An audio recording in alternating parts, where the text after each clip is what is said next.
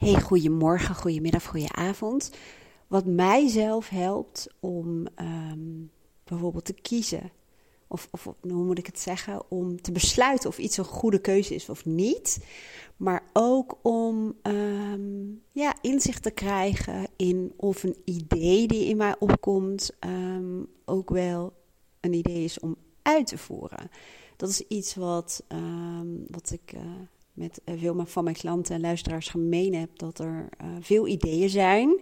En dat je getriggerd wordt en dat je daar dan als het ware uh, meteen op wil springen. Hè, of het meteen uit wil voeren.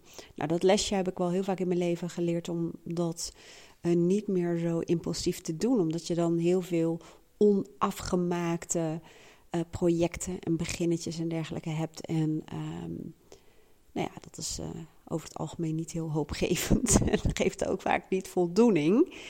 En ook het stukje snel verveeld zijn uh, speelt daar ook wel een rol in. Um, ik deel, um, als ik het goed heb, twee tips. Misschien komen er nog wel meer uh, aan de orde. En die hebben dus um, te maken met het maken van keuzes. en met het bepalen of uh, iets wat in je opkomt, of een bepaalde actie die je bedenkt. ja, of het je tijd en moeite en wellicht uh, geld en aandacht wel waard is. De allereerste is als je merkt dat je um, ja, uh, een aantal acties voor jezelf hebt bedacht of op hebt geschreven of iets dergelijks. En um, ja, je, je wil ze graag toetsen of het goede acties zijn. En ik weet gewoon uit ervaring ook dat dit vaak gaat over uh, de momenten waarop je niet heel erg verbonden bent met, um, met je visie of je doelen. En dat klinkt een beetje gek, maar wat ik ermee bedoel is. En ik jat dan een zin die ik uh, van iemand heb gehoord, maar ik weet echt niet van wie, dus sorry daarvoor. Maar als je nergens voor staat, dan val je overal voor. Dus als je helden hebt wat uh, belangrijk voor je is, en ik gebruik daarvoor um, eigenlijk altijd mijn waarde, um, dan zul je merken dat je niet zo heel snel komt in de gedachte als wat zal ik nu eens gaan doen. En dat hoort er natuurlijk ook bij bij het leven, maar vaak is dat wel een gevolg van ja, wat gebrek aan helderheid. En nogmaals, is niet elke dag, hè, want soms heb je gewoon uh, van dit soort dagen en is dat ook helemaal oké. Okay. Als je merkt dat, het, dat je het gevoel hebt dat je wat aan het dolen bent, of uh, ja, dat er van allerlei dingen zouden kunnen zijn die je zou kunnen doen, dus een hele grammaticale rare zin, maar goed, je snapt wel wat ik bedoel. Wat ik dan bijvoorbeeld um, uh, doe, wat mij helpt, is dan denk ik even aan bijvoorbeeld de actie. Ik had van de week zoiets dat ik even een moment had dat ik uh, niks uh, gepland had. En toen dacht ik, ik kan nu wel even de kelder gaan vegen. Onze kelder is eigenlijk um, het meest rommelige uh, deel van ons huis. Voor de rest uh, zijn Aaron en ik eigenlijk allebei behoorlijk opgeruimd. En um, ja, hou ik gewoon van een schoon huis. En hij ook. En hebben we onze routines, waardoor dat eigenlijk heel makkelijk uh, zo blijft. Alleen onze kelder, dat werd een beetje een soort van, ja, hoe moet ik het zeggen? Een allergaatje. Um, en we hebben laatst nou, gewoon de boel opgeruimd. Um, ik vind het ook een niet heel inspirerende ruimte uh, nog op dit moment. Dat, dat heeft ook niet onze prioriteit, om het zo te zeggen. We hebben wel opgeruimd en de vloer is gewoon een beetje... Ja, liggen kruimels en, en van die plastic bolletjes uit de poef waar onze hond op ligt. Nou, dat soort dingen. En ik dacht van de nou, ik kan even gaan uh, vegen. Maar ik voelde ergens, ja, dat zou ik kunnen doen. En dan stel ik mezelf de vraag: um, wat voor impact zou dat hebben op een schaal van 0? Hè, 0 is niks en 10 is een geweldig impact. En impact is natuurlijk een beetje een subjectief iets, maar um, ja, het is een beetje ook dat je voor jezelf bepaalt: uh, doet het ertoe? En toen dacht ik: nee, een 2. Want het is helemaal niet heel erg efficiënt om nu um, de kelder te gaan vegen, omdat er nog dingen staan die met de aanhangwagen uh, weggebracht moeten worden. En dan zou ik het eigenlijk dubbel gaan doen. En het, het, het, maakt eigenlijk geen verschil om dat nu te doen. En het klinkt misschien wel suf als dit uh, als voorbeeld, hè? maar door jezelf um, die vraag te stellen, hè, wat voor impact zou het maken? Je kunt ook spelen met die vraag, wat voor verschil zou het maken? Ehm, als je dat wel of niet zou doen. En ik vind het soms wel fijn om te kijken wat voor getal komt eruit als ik het ga schalen. Dus op een schaal van 0 tot 10. Nou, dat is dus één tip. En de andere tip is het stellen van uh, criteria. En dan geef ik even een voorbeeld. Dat is ook een beetje een huishoudelijk voorbeeld. Ehm, ik hou erg van opruimen. En ik uh, ben er ook van overtuigd dat um, je buitenwereld ook een beetje je binnenwereld uh, weerspiegelt. En ik ben er ook van overtuigd, en dat kan ik wel zeggen uh, vanuit mijn eigen ervaring, maar ook uh, klanten, waarmee ik bijvoorbeeld ooit een uh, online programma, het levensplan, heb gedaan. Echt superleuk. Um, hij staat nu niet online in mijn webshop, maar mocht je interesse hebben, dan let me know, dan stuur je nog even de informatie. Maar een van de onderdelen was inderdaad letterlijk figuurlijk opruimen, maar op verschillende levensgebieden. Dus dat ging ook over um, ja, het beoordelen van ja, je kennis- en vriendenkring. Klinkt een beetje rigoureus, maar uh, dat kan best wel heel erg handig zijn om wel te doen. Um, maar ook opruimen letterlijk van je fysieke omgeving.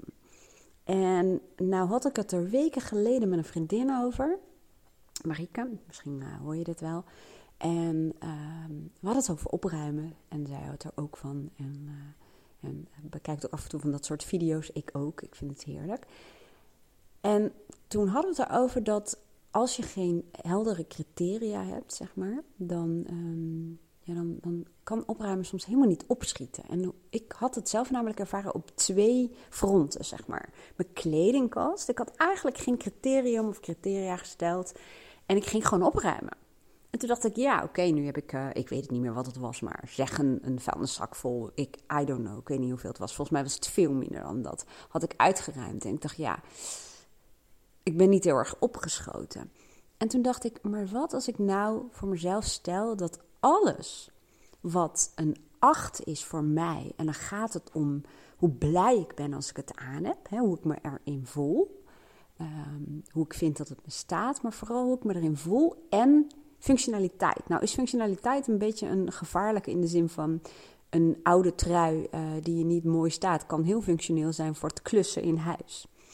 Um, ja, dus dan is het ook was de definitie van functioneel. En ik heb heel veel kluskleding, dus uh, voor mij was functioneel, um, ja, uh, ja, moet ik het zeggen, had een ja, ik, lastig om uit te leggen. Ik voelde die heel erg, laat ik het zo uh, zeggen. Functioneel kan ook zijn dat het bijvoorbeeld heerlijk warm is, hè? of dat het super lekker zit, of dat het met bepaalde activiteiten gewoon heel handig is om te hebben.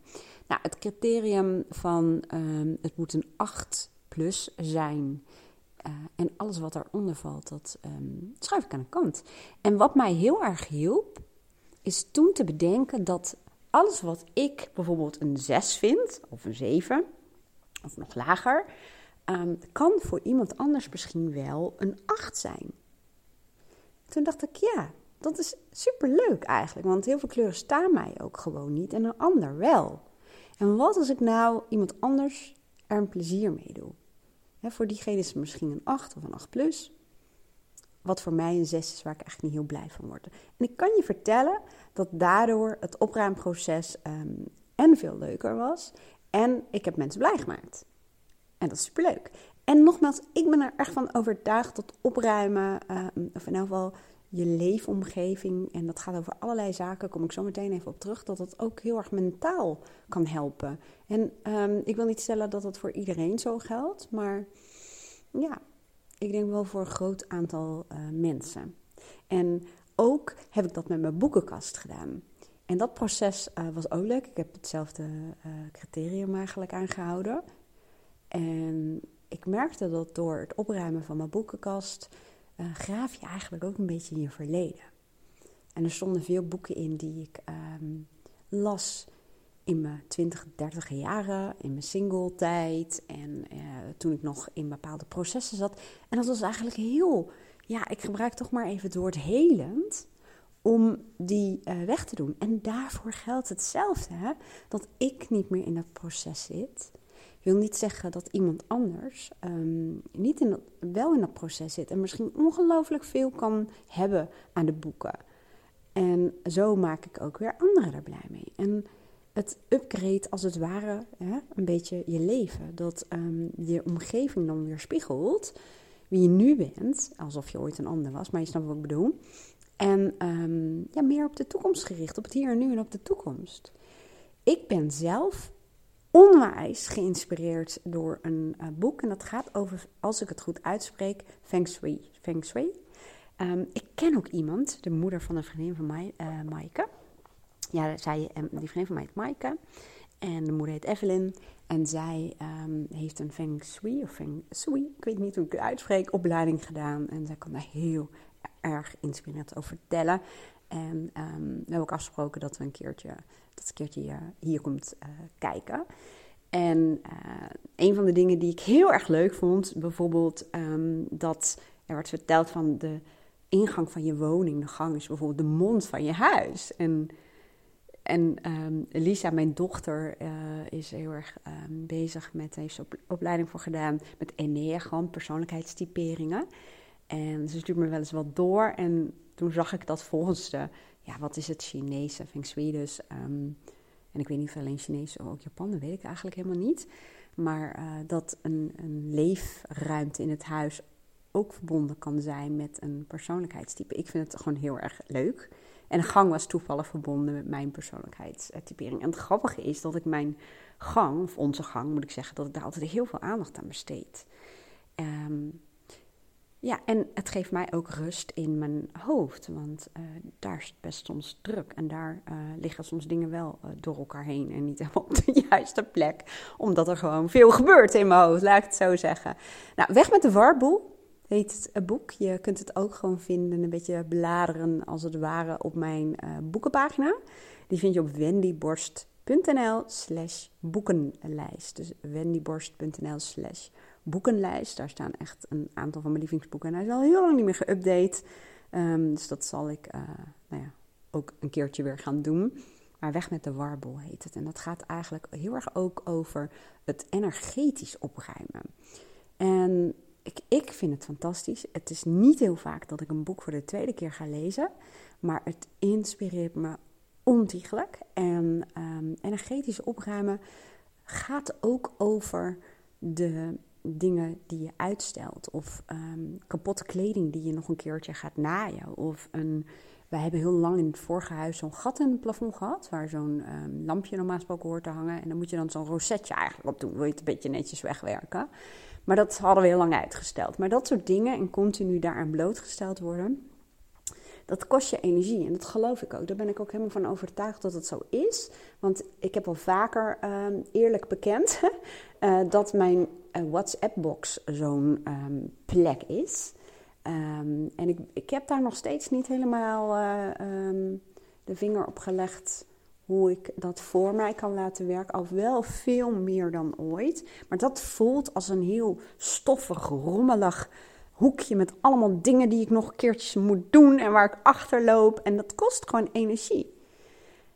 En um, volgens um, Willem van den Bent, volgens mij, daar heb ik ooit een uh, boekreview uh, over opgenomen. Over het boek van hem staat volgens mij ook op mijn boekenlijst. Die noemt dat ook energieherstellers. Maar dan niet vanuit de Feng, uh, feng Shui, maar um, dat dat soort dingen, als je dat gewoon doet, aanpakt, um, ja, dat het een hoop energie kan uh, vrijspelen, om het even zo te zeggen. Ja, die criteria dus. Um, ik werk zelf heel veel met persoonlijke waarden. Het grappige is dat ik dat al deed voordat ik überhaupt uh, begon met mijn allereerste coachopleiding. Toen deed ik een opleiding uh, communicatie.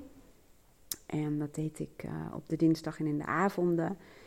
Was in volgens mij een jaarstudie of zo, ik weet het al niet eens meer, zo een tijd geleden. En daar begonnen ze toen over kernwaarden voor organisaties. En uh, ook met de zin, als je geen eigen plan hebt, word je onderdeel van een plan van een ander. En toen ben ik echt helemaal fan geworden van het werken met je persoonlijke waarden. Ik heb dat toen vertaald naar mijn privé-situatie. Van als een organisatie of een bedrijf uh, kernwaarden kan hebben. Uh, en een bedrijf daarop inrichten, een hele communicatie en dat soort dingen. En dan geldt dat natuurlijk privé ook. En dat heeft echt waar mijn leven al heel erg vaak positief um, veranderd en een boost gegeven. Omdat werken met je persoonlijke waarden is in mijn beleving niet een lijstje maken van, nou, dit zijn mijn kernwaarden, we hangen het aan de koelkast. Nou, tegenwoordig uh, valt dat lijstje eraf, want volgens mij zijn er niet heel veel magnetische koelkasten meer. Maar anyway, hè. Ehm, dat lijstje heb je in mijn beleving, uh, denk ik, niet zo heel erg veel aan. Maar er bewust mee werken, je leven naast je lijstje leggen als het ware. En kijken wat zijn die persoonlijke waarden, wat betekenen ze, hoe leven ze in jou? En uh, waar zitten de contrasten in je leven? Hè? In je normen, je leefregels die um, je bent gaan geloven, waaraan je moet voldoen als het ware. Match je die wel met je waarden? Want dat is vaak ook wat voor conflicten zorgt. Dat we bepaalde persoonlijke waarden hebben waar we ons niet van bewust zijn. Um, en maar we voelen wel conflicten. Dat we overprikkeld raken of onderprikkeld zijn. Of in een werkomgeving zitten die niet helemaal een match is. Of helemaal geen match is. In een relatie zitten die ons niet de vervulling geeft waar we eigenlijk naar verlangen. Um, dat we een leven leven op basis van normen die in conflict zijn met je waarden. Dus voor mij was de allereerste keer dat ik echt met waarden ging werken echt een proces. En dat proces wat ik heb doorlopen en de stapjes en de hulpmiddelen die ik daarbij heb gebruikt, die heb ik in een online programma gezet. Dus dat is mijn um, eigen ervaring en ook van mijn klanten. Want in mijn allereerste coachopleiding kwam opnieuw werken met je persoonlijke waarden aan de orde. Er werd heel veel aandacht aan besteed. Alleen toen ging ik het natuurlijk vanuit het perspectief van een coach uh, leren en gebruiken. En om daarmee mijn uh, klanten te helpen. Nou, dat zit in een online programma, omdat ik merkte dat is zoiets universeels. In die zin dat is iets wat, um, ja, wat, wat elke keer terugkomt dat het mensen helpt. En als je dan je beperkt tot het één op één coachen of in een groepje. Um, ja, voor mij voelde dat als zonde. Van er zijn zoveel mensen die heel erg gemotiveerd zijn en het superleuk vinden om gewoon aan een soort van zelfstudie te doen. En waarom zeg ik studie? Het is niet de studie, maar het vergt ook wel inzicht in wat zijn nou waarden, wat zijn normen, um, hoe kom je daar aan? Hè? Uh, en, en wat heeft bijvoorbeeld een innerlijke criticus daarmee te maken? En hoe kun je in het hier en nu meteen al kleine veranderingen doorvoeren in je leven die niet heel rigoureus aan hoeven te voelen, maar die je wel de boost en de energie geven om verder te bouwen aan een leven dat in overeenstemming is met je persoonlijke waarden. En dat proces, wat ik dus opgenomen heb voor je in het online programma, wat ik ook gebruik in mijn coachings, um, dat is herbruikbaar. Ik merk dat op het moment dat mijn energie bijvoorbeeld iets naar beneden gaat, en dan heb ik het vaak over mentale en fysieke energie, of als ik merk dat ik iets mis, um, of dat ik niet voldoende mentaal geprikkeld word, of um, dat ik uh, ja, wat sleur voel, of wat het dan ook is. Of als ik juist heel erg overprikkeld raak, dan pak ik altijd weer een stapje erbij uit mijn eigen online programma om een evaluatie te doen. En uh, vanuit daar ga je weer verder. En die criteria waar ik het net over had, die hebben daar ook heel erg mee te maken. Want persoonlijke waarden zijn ook um, richtingaanwijzers, zijn criteria. Die voorwaarden, noem ik het ook wel eens, die um, heel erg belangrijk zijn om bijvoorbeeld, ja, het klinkt een beetje als een containerbegrip, maar optimaal te functioneren. Dat jij lekker in je vel zit, dat je gelukkig bent. Um, ja, en dat bijvoorbeeld een omgeving, of dat nou een werkomgeving is, of vriendschap, of liefdesrelatie, of woonomgeving, dat die matcht. En ja, nou ja, dat blijft iets wat continu opnieuw richting geeft. Ik heb ze trouwens in twee vormen. Um, die uh, ja, werken met je waarden. In een online programma waarin dus alles zit wat ik zelf heb doorlopen. En ook wat ik met mijn klanten doe en wat ik in mijn opleiding toen leerde. En dat is wie ben je werkelijk en wat wil je echt. En die heb ik ook in meerdere vormen. Helemaal puur helemaal zelf doen. Maar ook met een stukje persoonlijke begeleiding van mij erbij via e-mail, via WhatsApp. En een uh, optie om met een persoonlijke sessie uh, dat samen met mij te doen. Ik zet de linkjes er even hieronder. En ik heb ook een verkorte versie. Voor de Jantjes ongeduld onder ons, zullen we maar zeggen. En die heet Als je niet weet wat je wilt, bepaal dan eerst je richting. En dat is zeg maar ja, een, een verkorte versie van dat online programma, van het hele uh, proces, om het zo te zeggen. Nou, mocht je interesse hebben, de linkjes staan hieronder. Nou, en dan even terug naar de kern eigenlijk van deze uh, podcast. Hè, want we hadden het erover van, hoe kun je nou bepalen of iets bijvoorbeeld een goede actie is? Hè? Of, um, of dat nou iets is wat impulsief in je opkomt als een idee...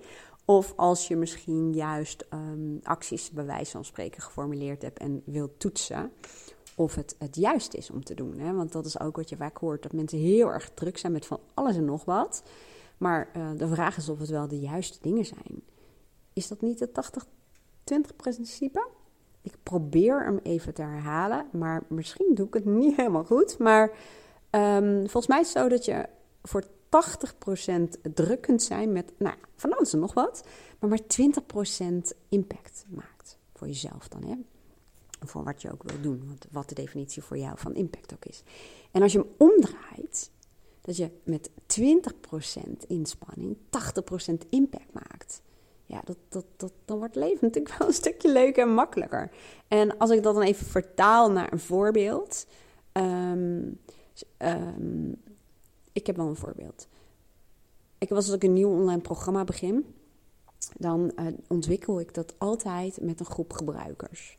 En die kunnen dan voor lage prijs instappen, maar dan kan ik het helemaal fine-tunen op basis van de vraag en uh, wat er gebeurt tijdens het online programma. Uh, zodat ik zeker weet dat wat ik ontwikkel voor um, heel veel mensen ook echt relevant is. Vandaar dat daar ook vaak een, een gevarieerde groep zit, wel doelgroep zeg maar. Um, wat wou ik daar? Ik wilde daar iets over zeggen. Want waarom zei ik dit nou eigenlijk? Nou ja, zeg, ik raak afgeleid door die open haard. En in één keer denk ik, waarom wou ik dit zeggen? Dat ik dat ontwikkel met een groepje. Uh, oh ja, nu weet ik het weer. Een voorbeeld van die 80-20 regel.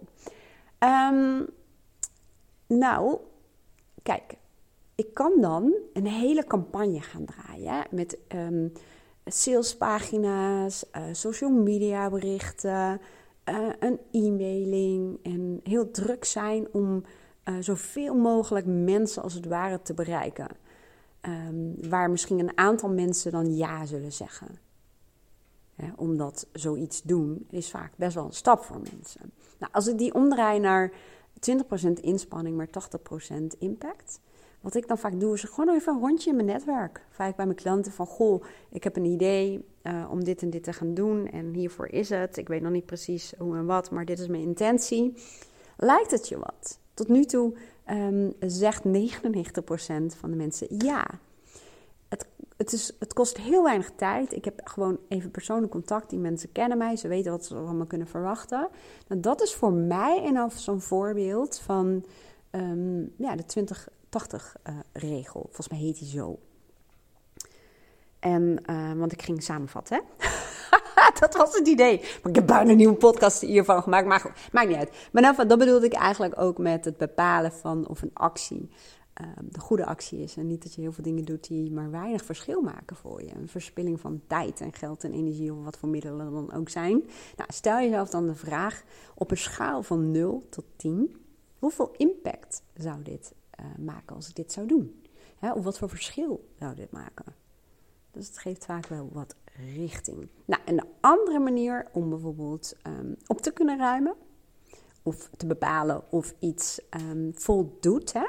dat kan ook een baan zijn, een nieuwe baan. Dat je um, wil bepalen of het een match is voor jou. Dat is het hebben van criteria. En weten wat dat is. En je kunt dat voor het opruimen, wat ik net vertelde, doen ook weer met een schaalvraag. Van Um, dat je zegt, alles uh, wat een 8 plus is, dat houd ik. En definieer dan voor jezelf wat die 8 plus inhoudt.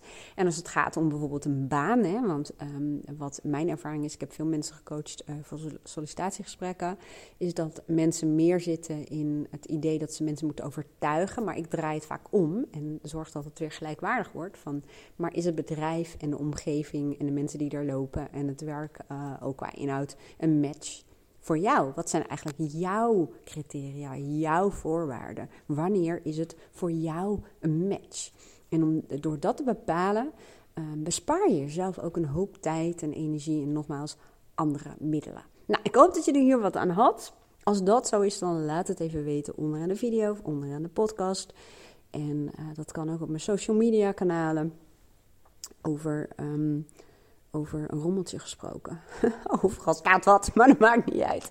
En um, nou, mocht je denken, nou, die podcast eh, die je maakt, uh, die inspireren mij. Uh, niet allemaal, kan me niet voorstellen dat ze allemaal evenveel uh, zullen inspireren. Maar je kan mij en over erg blij maken door mij te helpen om te groeien. En dat kan door op Spotify of op Apple een, een beoordeling achter te laten. En dat lijkt misschien veel werk, maar dat is het helemaal niet. Ik heb het al um, mensen horen zeggen dat het gewoon een minuutje tijd kost. Gewoon even drukken op het aantal sterren wat je mijn podcast waard vindt. En als je het helemaal leuk wil maken, dan kun je er ook nog een tekstje bij schrijven. Ik lees hem met plezier. Uh, ik vraag het veel te weinig, dat realiseer ik me. Maar um, ik heb jullie wel nodig om mijn podcastkanaal verder te laten groeien. Dank je wel daarvoor als je dat wil doen. Ook dank je wel voor het luisteren en heel graag tot de volgende podcast.